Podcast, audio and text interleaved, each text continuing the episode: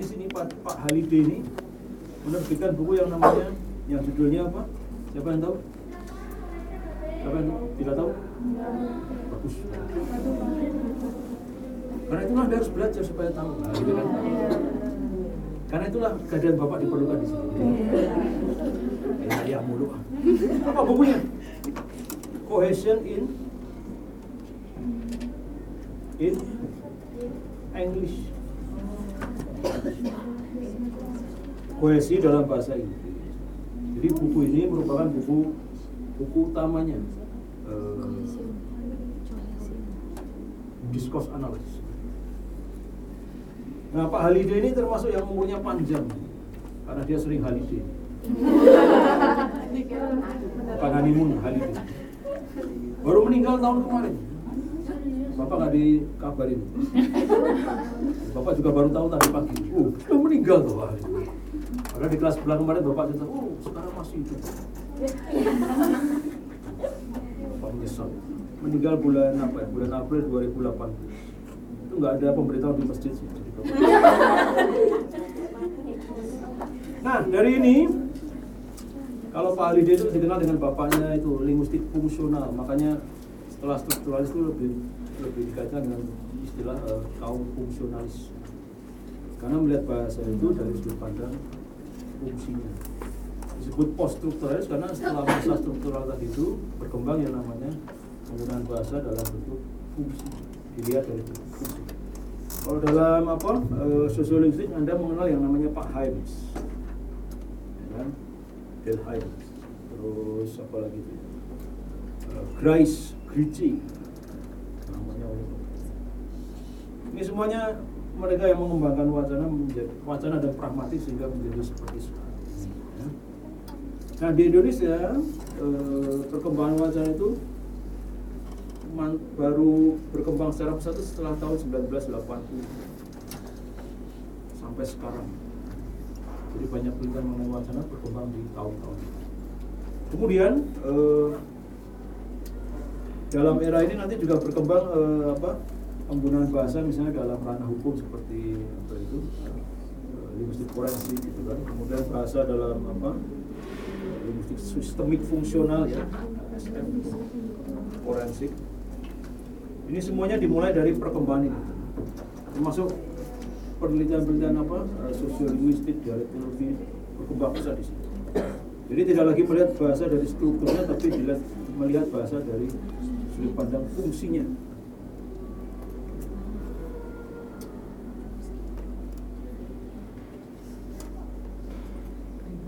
Jadi misalnya seperti ini kalimat ini.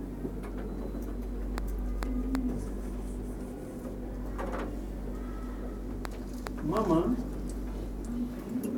menanti papa di kamar.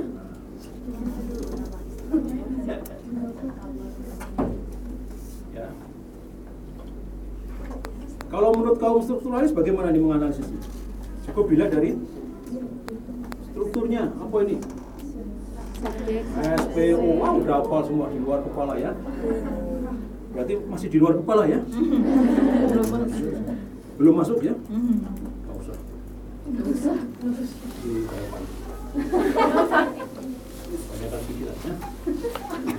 Nah kalau dalam wacana ini tidak bisa dilihat dari sudut pandang strukturnya saja, tapi harus dilihat dari sudut pandang yang namanya konteks.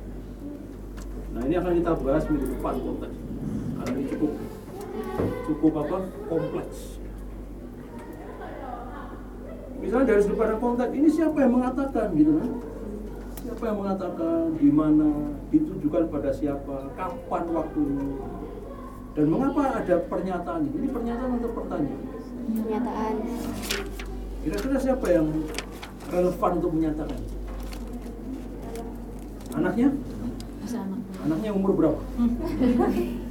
Kalau umurnya masih di bawah lima tahun berarti harus tambah hari. Mama, papa, mama menanti papa di kamar. Emang anaknya udah ngerti. Bukannya anaknya mengikuti mamanya di usia lima tahun. Oh berarti bukan. Kira-kira siapa yang relevan menyatakan? Bisa mungkin pembantunya gitu ya. Apanya pulang gitu kan bibi bo si bo mama di mana gitu kan kemudian bibinya ngomong mama menanti papa di kamu gimana kira-kira masuk akal nggak? Kok nggak masuk akal? Soalnya mama tuh biasa manggilnya ibu sama bapak. bukan mama kamu Oh, bagus bagus. Nah, ini mau dicermati, mau dicermati. Panggilan ibu dan bapak itu sebenarnya panggilan yang sifatnya subjektif. Ibu bapak itu dipanggil kalau sudah punya anak. Berarti ada kemungkinan begini. Satu, ini adalah pasutri. Kenapa pasutri? Masih mesra. Mama, papa. Mungkin kalau belum nikah lebih mesra. Atau mungkin baru sebulan nikah. Honey, baby, Say, kau di mana say? Gitu kan? Tapi kalau udah punya anak baru itu ibu, ayah, abi, abah, gitu. Gak mungkin Pak D, Bude gitu kan? Nah, ini kalau udah punya ponakan. Satu, Pak Sutri. Dua, dari mana ini Pak tahu Pak Sutri? Ada kata-kata tertentu. Misalnya ini, kata menanti, diksinya. Nah, perhatikan kata menanti. Kenapa bukan menunggu? Mama menunggu papa di kamar. Kenapa? Karena kata menanti itu lebih intim, lebih dekat gitu kan. Coba Anda perhatikan di rumah sakit di mana itu. Ruang tunggu pasien gitu kan. Tidak ada ruang tunggu tidak ada ruang menanti pasien gitu. Karena nggak ada pasien yang dekat dengan dokternya gitu kan. Kecuali ketika sedang sakit. Kalau Anda sehat ke tempat dokter mau ngapain? Apelin pacarnya. Pacar saya perawat Pak Woyo. Bukan dokternya.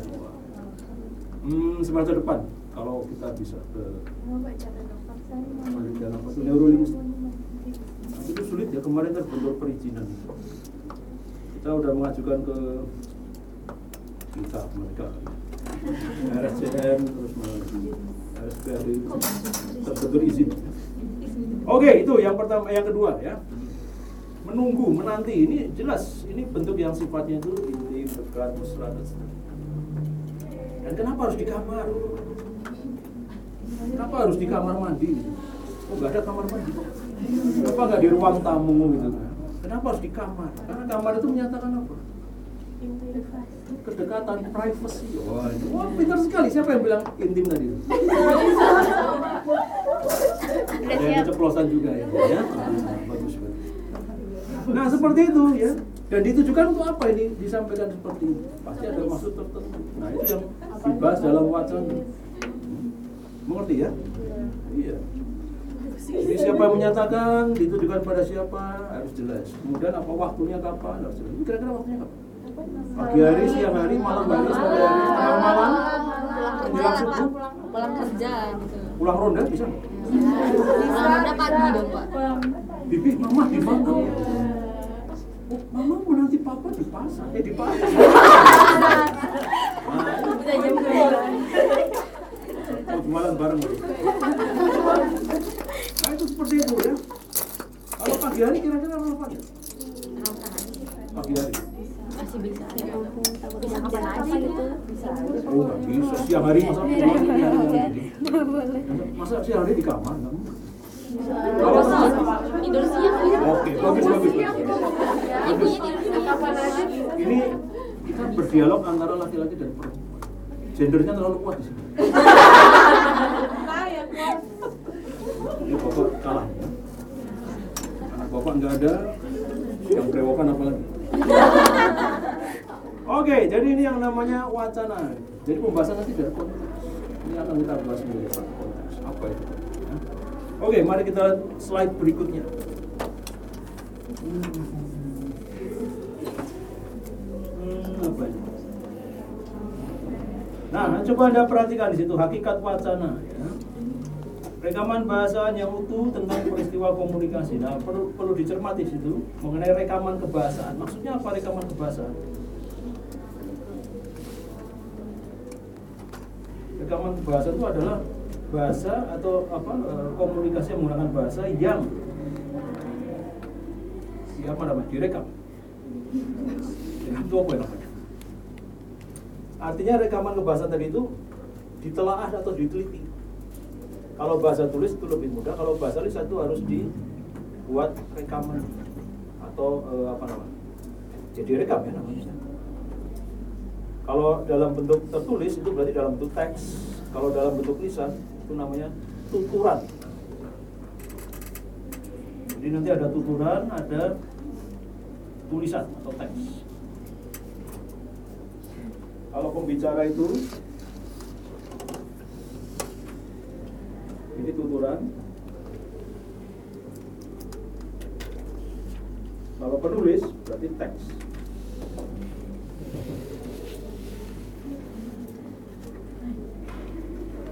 Jadi apa yang anda sampaikan, apa yang anda katakan itu selalu ada tujuannya. Dan itu harus dilingkupi dengan konteks. Kan gitu. Rekaman bahasa yang utuh tentang peristiwa komunikasi harus jelas kapan di kapan terjadinya, di mana, siapa dengan siapa. Maka kalau anda berbicara sendiri di kamar tidak ada saksi mata dan tidak ada yang mengetahui atau tidak ada yang ajak anda bicara berarti itu tidak bisa di- dikatakan sebagai wacana. Bisa anda sedang mengigau. Wacana orang mengigau, apa tuh? mengigau itu apa? Mengigau itu adalah eh, komunikasi yang dilakukan oleh alam bawah sadar Anda. Jadi kalau Anda terlalu banyak memikirkan sesuatu sampai Anda ketiduran sampai berlarut-larut itu tersimpan di alam bawah sadar Anda. Keluar sendiri ketika nanti Anda sakit atau ketika Anda sedang tidur. Namanya mengigau. Jadi kalau orang normal jarang mengigau. Karena langsung berbicara. Tapi kalau ada sakit karena stres, menahan beban pikiran dan sebagainya. Nah, itu akan keluar ke dalam egoan Anda. Nanti mau skripsi nanti keluarnya egoan, skripsi, skripsi, skripsi. Kalau Anda nggak suka pembimbingan atau pengujinya, wah itu bisa bayar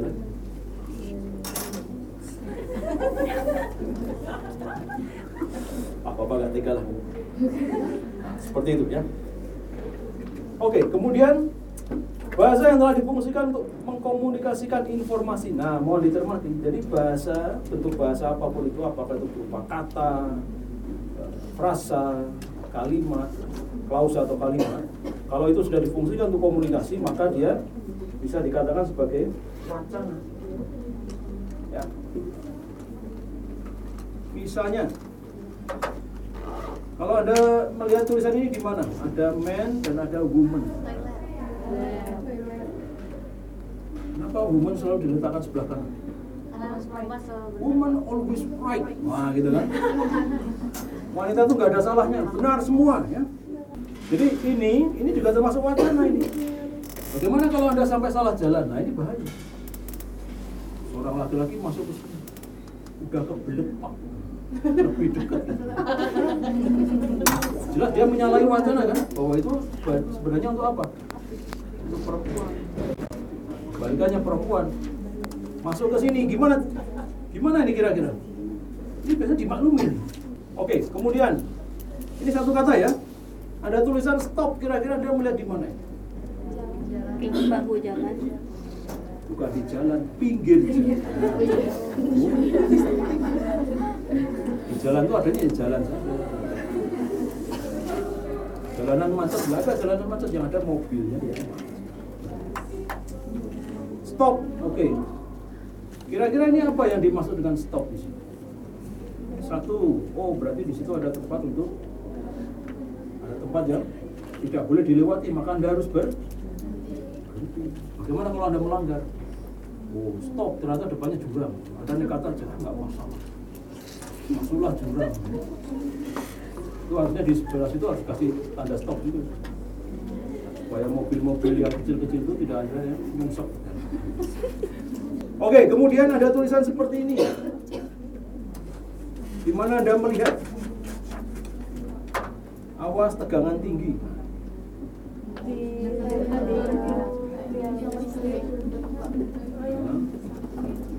Maksudnya apa ini? Ya, bisa di tiang listrik atau mungkin di suter atau mungkin yang di dekat apa itu pembangkit listrik seterusnya. Jadi ini hanya bisa dipakai di mana?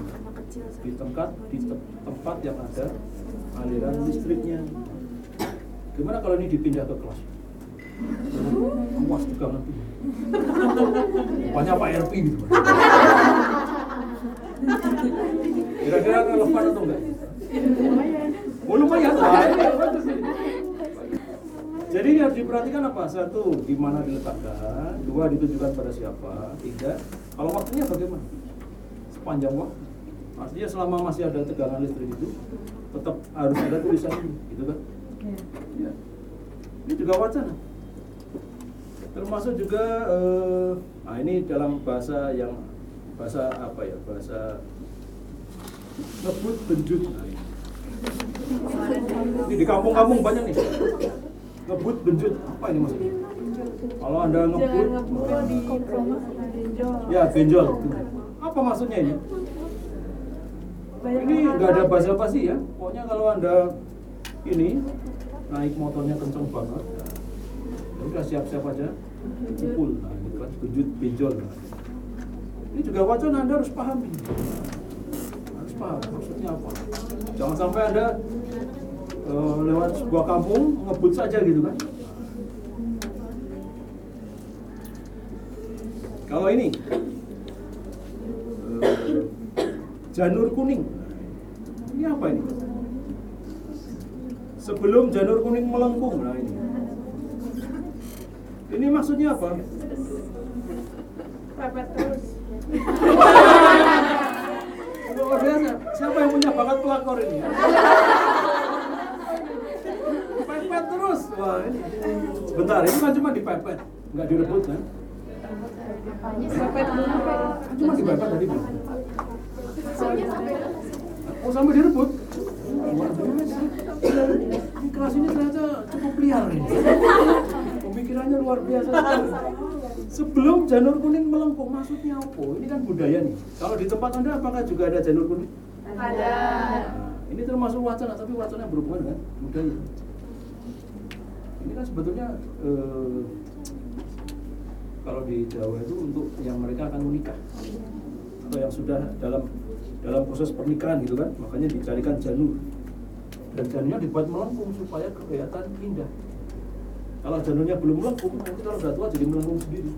Jadi sebelum tua dilengkungkan dahulu. Oh iya, gitu.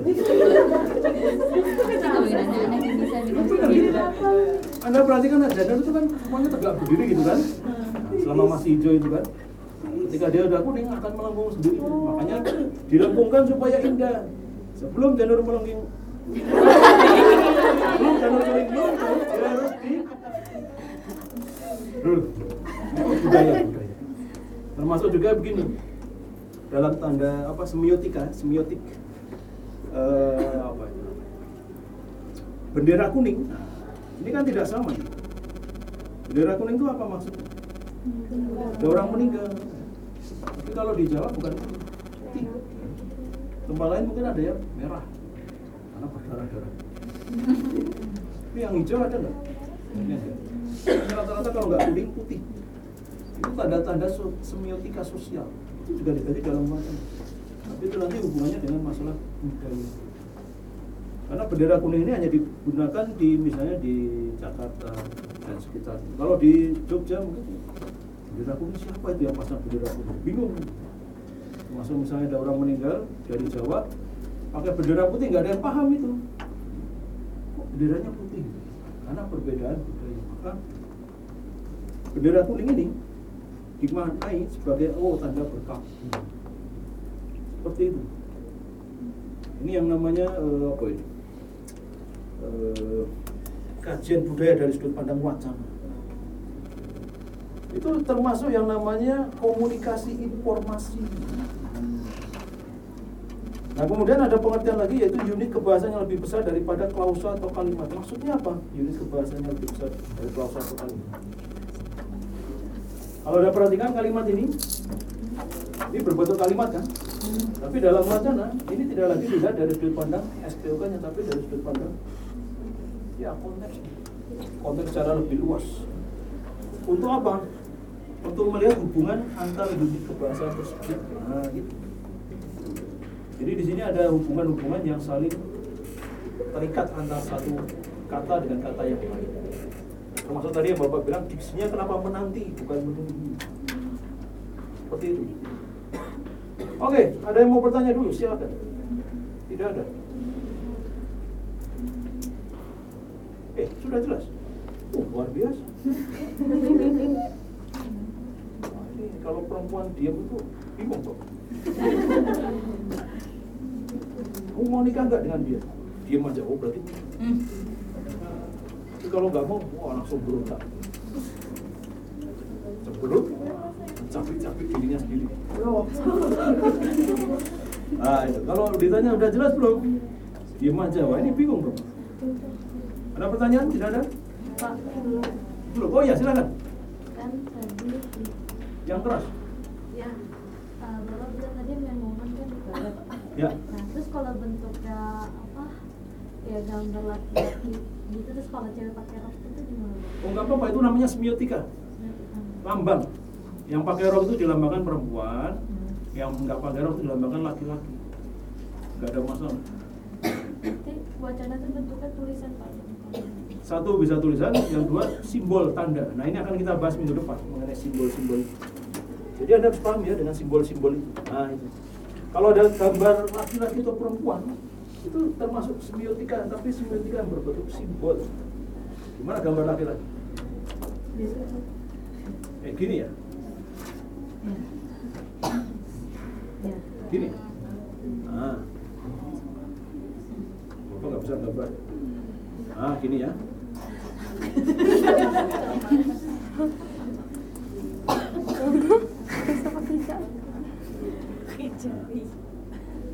Nah, gini ya.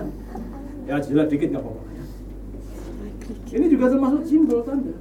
Anda harus memperhatikan ini. Supaya Anda tidak salah. Karena di sekitar kita banyak simbol-simbol. Nah, misalnya apa? Simbol jaket hijau itu berarti menunjukkan apa? Jadi jaket kuning. Dari warna udah kelihatan kan? Terus apa lagi? Eh, jaket kalau oranye kemarin waktu pemilu itu ada yang begini. Itu juga simbol itu. Kalau bini lain lagi kan? Tembakan dor gitu. Wah, kayak nggak tahu aja. Oh, ada gambar sepeda. Sepeda itu artinya apa? Itu bukan sepeda untuk dibawa pulang loh ya. Jalur sepeda. Ah, jalur sepeda. Gimana gambarnya? Ya, pokoknya begini loh ya. Seperti itu. Ini.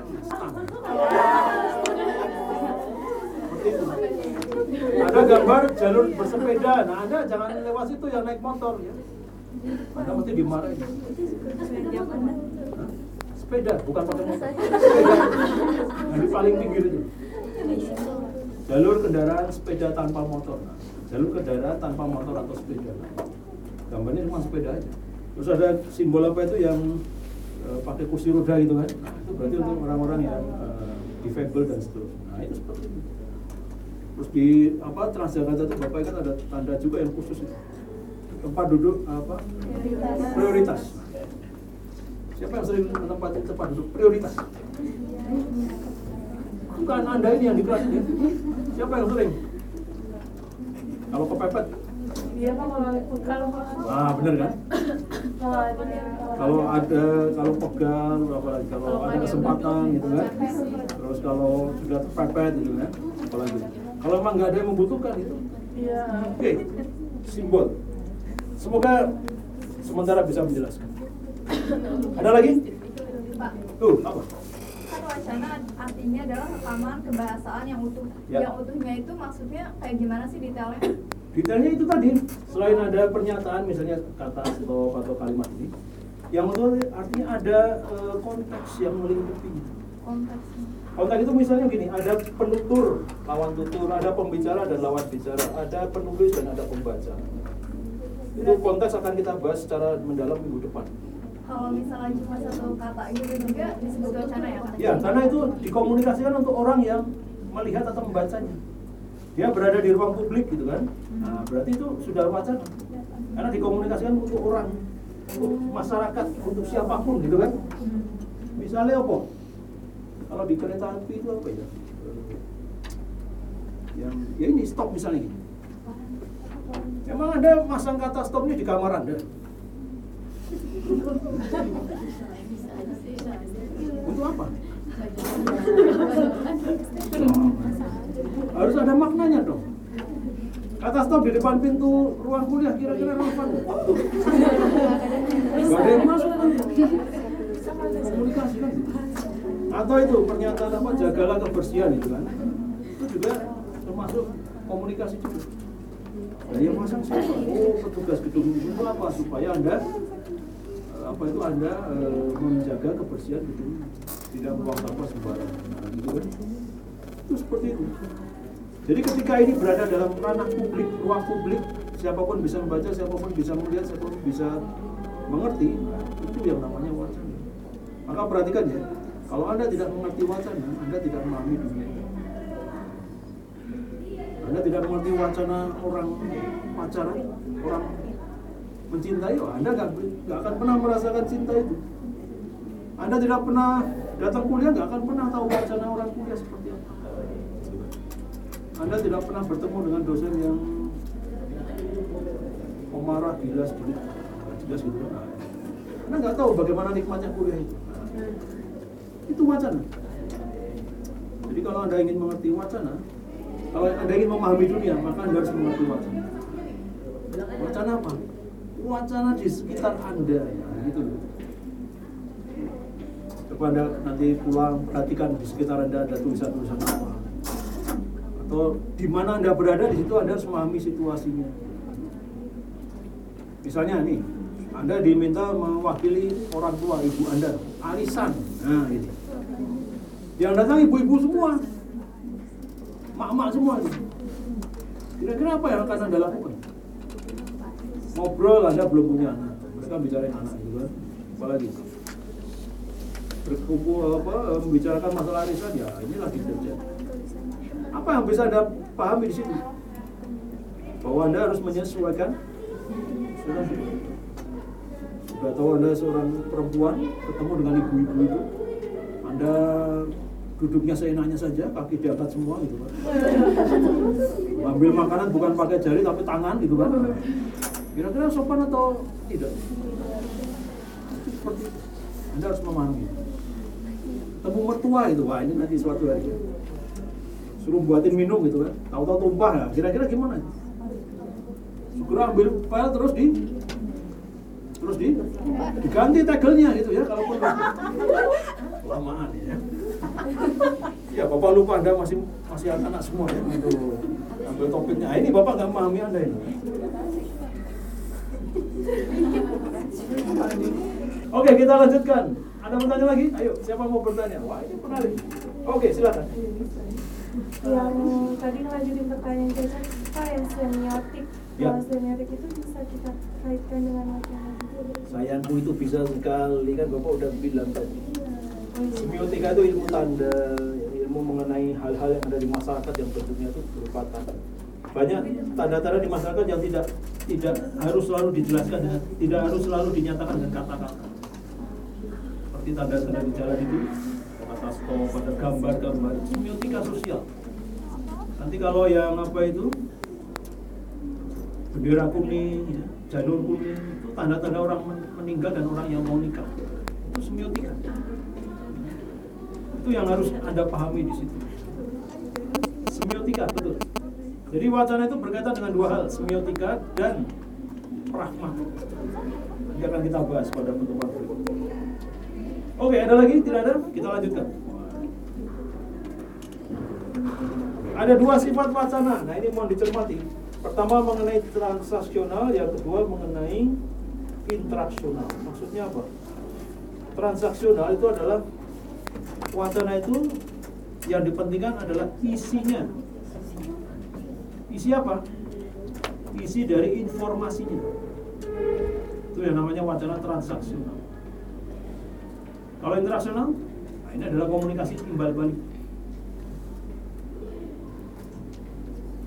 Jadi komunikasi yang dibangun wacana itu harus yang bersifat timbal balik artinya tidak bisa satu arah tapi bisa tapi harus dua arah atau mungkin banyak arah.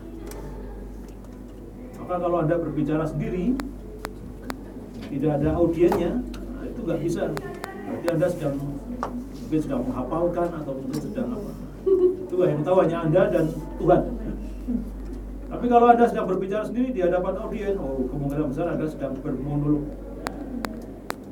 Monolog itu yaitu berbicara menceritakan apa, sesuatu dengan sendirian.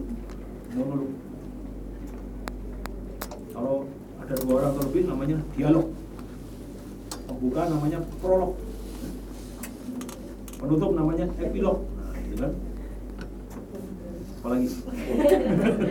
Jangan mancing-mancing ya. Apalagi lupa nih ya. Oke.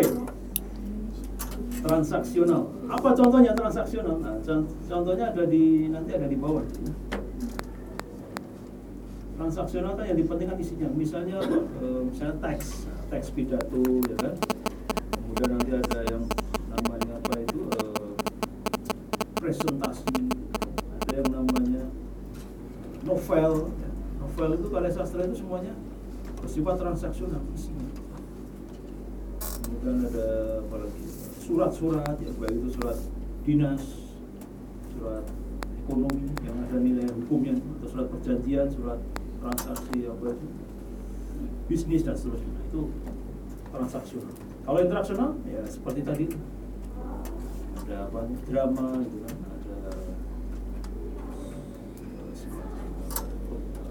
pembawa acara di apa itu di radio atau di televisi nah itu semuanya interaksional.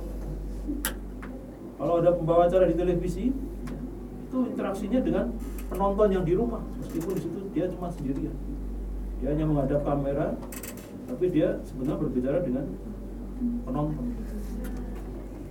Maka mereka yang eh, apa, eh, pembawa acara itu yang pembawa acara berita dan sebagainya itu harus yang benar-benar good looking. Bagus terlihat. Kalau tidak menyenangkan wah nggak ada yang nonton nantinya. Oke kita lanjutkan. Nah jadi nah ini pada slide keberapa itu enam itu.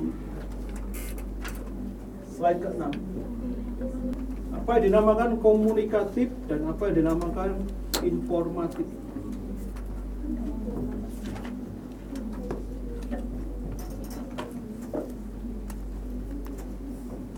Komunikatif itu apa? Meaningful for the sender. Informatif, meaningful for the receiver.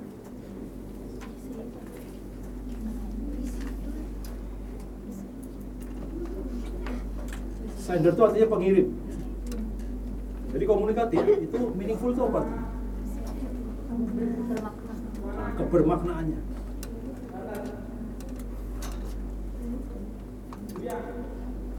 Eh, apa istilahnya? Eh, kebermaknaan ya diciptakan oleh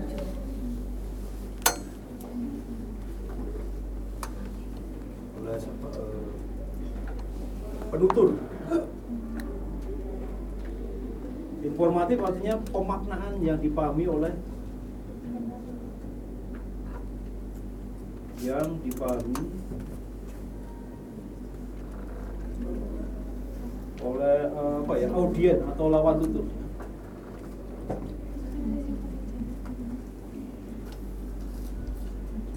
Receiver itu artinya lawan tutur kalau sender itu penuturnya. Jadi misalnya komunikatif itu gini eh, bapak ngomong apa itu menjelaskan panjang lebar itu namanya komunikatif meskipun anda tidak mau tidak mau tahu atau tidak ingin tahu gitu kan tapi bapak jelaskan panjang lebar itu artinya komunikasi nah kalau anda memahami apa yang bapak sampaikan dan mengerti apa yang bapak maksudkan itu namanya informatif itu ya. Di mana ini anda sering menemukan ini? Peristiwa ini dua peristiwa ini. Dalam kehidupan sehari-hari uang kelas itu luar biasa. Kehidupannya di Di dalam kehidupan sehari-hari nih anda ngomong apa ke temannya? Anda menyampaikan sesuatu itu ada komunikatif tapi temannya paham nggak? Oh nggak paham berarti informasi anda tidak informatif. Anda ngomong ya. Singkat padat jelas. Temannya paham bahkan mengerti apa yang harus dilakukan. Informatif. Seperti itu. Anda turun dari angkot, Anda mengatakan kiri. Supirnya paham nggak? Paham banget, harus paham. Anda diem aja mau turun dari angkot.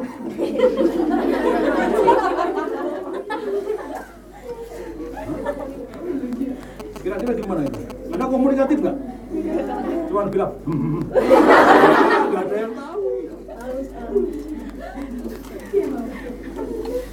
Saya mau mencolek baunya tapi takut pak. Kenapa? Baunya ini banyak kelimatnya. Wah, jangan bau. Pakai itu aja. Uang itu. Ting ting. Nah, itu. Itu komunikatif?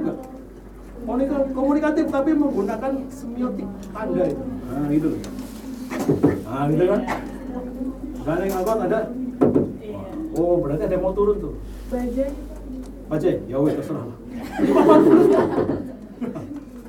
Berarti Anda komunikatif karena menyampaikan sesuatu dan pengemudinya paham. Wah, informasi. Satu kata ada kiri, tapi Anda diem aja,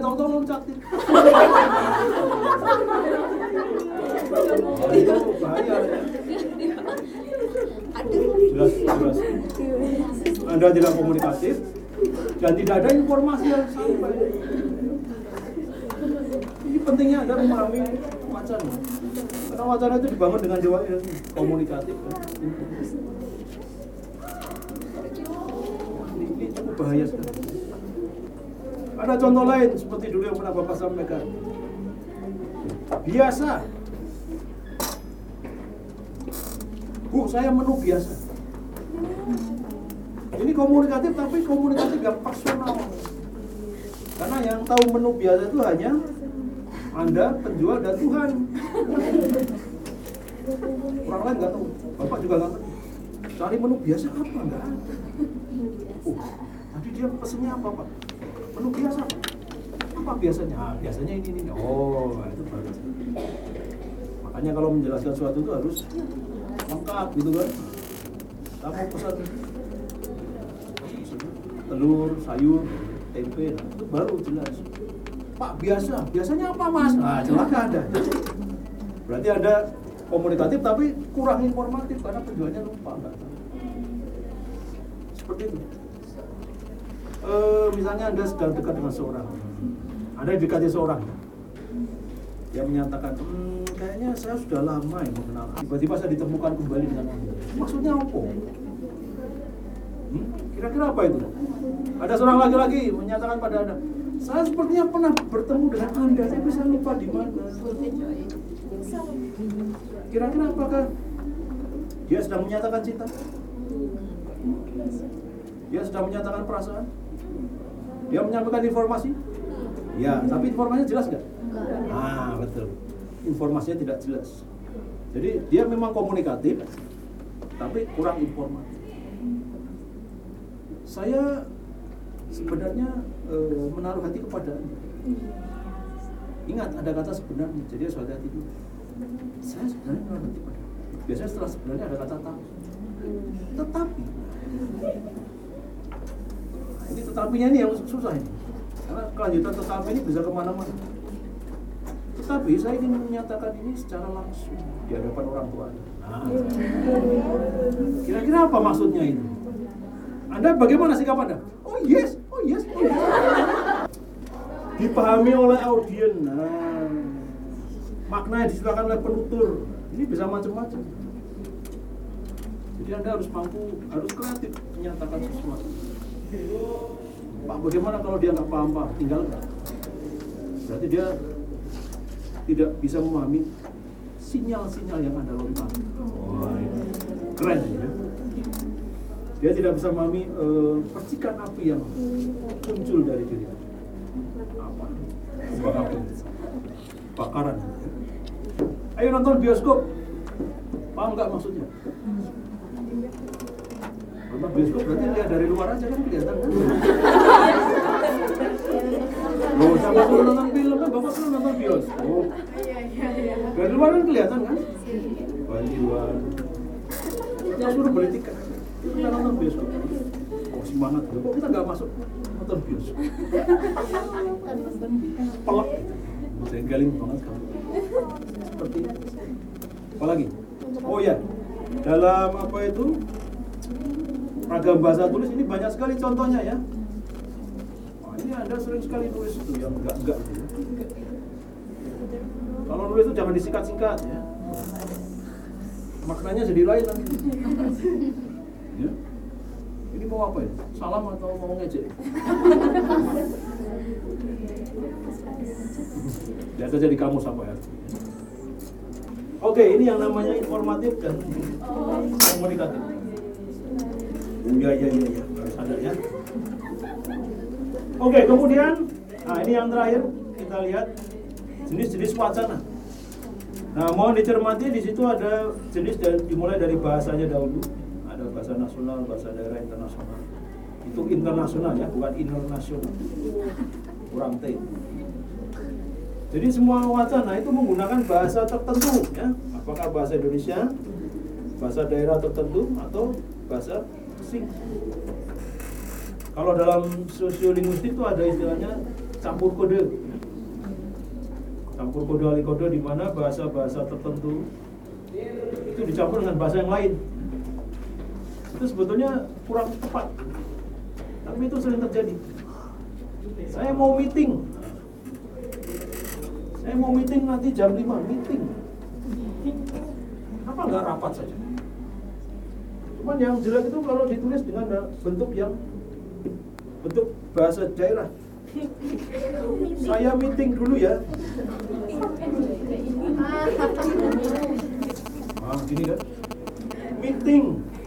Mau makan kepiting. Mikriting. Ah, ini enak nih. Eh, kita breakfast dulu yuk. Breakfast. Breakfast.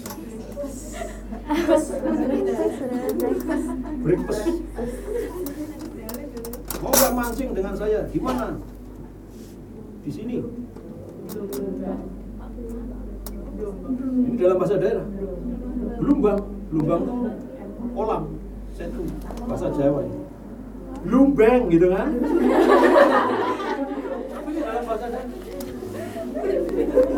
Permainan bahasa yang luar biasa. Kalau di hotel itu ada tulisan masuk. Nah, ini bahasa daerah juga masukin gitu aja.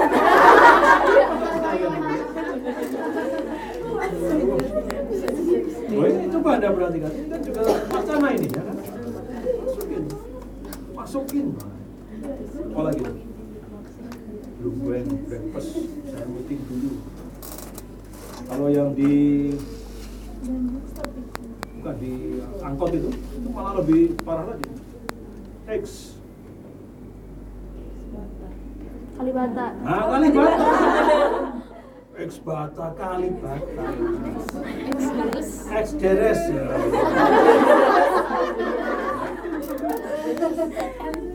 Kode simbol gitu. Jadi bahasa apa ya, istilah matematika itu bisa dibunyikan dalam bentuk informal. Kan yang penting itu komunikasi, komunikatif dan informatif. Seperti. Apalagi contohnya, siapa yang tahu? Ini yang namanya eh, bentuk kreativitas, tapi kebablasan. Cuman memang itu simbol untuk menyingkat. Jadi harus dibuat sesingkat-singkat. Oke, media atau saluran ada dua, lisan dan tulis ini cukup jelas. Nah, mohon dicermati. Lisan dan tulis itu nanti bentuknya tidak sama ya. Kalau bentuk lisan, misalnya anda ingin meneliti, oh rekaman debat presiden, nah, itu berarti rekamannya itu kan dalam bentuk lisan. Itu anda harus transkripsikan terlebih dahulu. Artinya dibuat dalam bentuk tertulis. Kalau tulis itu lebih mudah karena sudah dalam bentuk teks, tinggal dianalisis. Kemudian eh, ada dialog, monolog, formal, informal. Ini kalau dialog, monolog itu jenisnya ya, sifat jenis marga. Formal, informal itu tempatnya. Kalau anda menggunakan dalam keseharian pasti menggunakan bahasa yang sifatnya apa? Informal. Kecuali anda sedang ada mau papa, izinkan aku meminta uang. Sekarang sudah tanggal 25 papa. Anakku kamu sehat. Maukah engkau pulang bersamaku nanti sore? Intinya apa? Pulang yuk gitu kan? Nah, iya. Maukah engkau makan denganku nanti di kafenya Pak Irsan? Intinya apa? Aku lapar. eh, apakah engkau akan menghadiri kuliah yang akan dilaksanakan besok?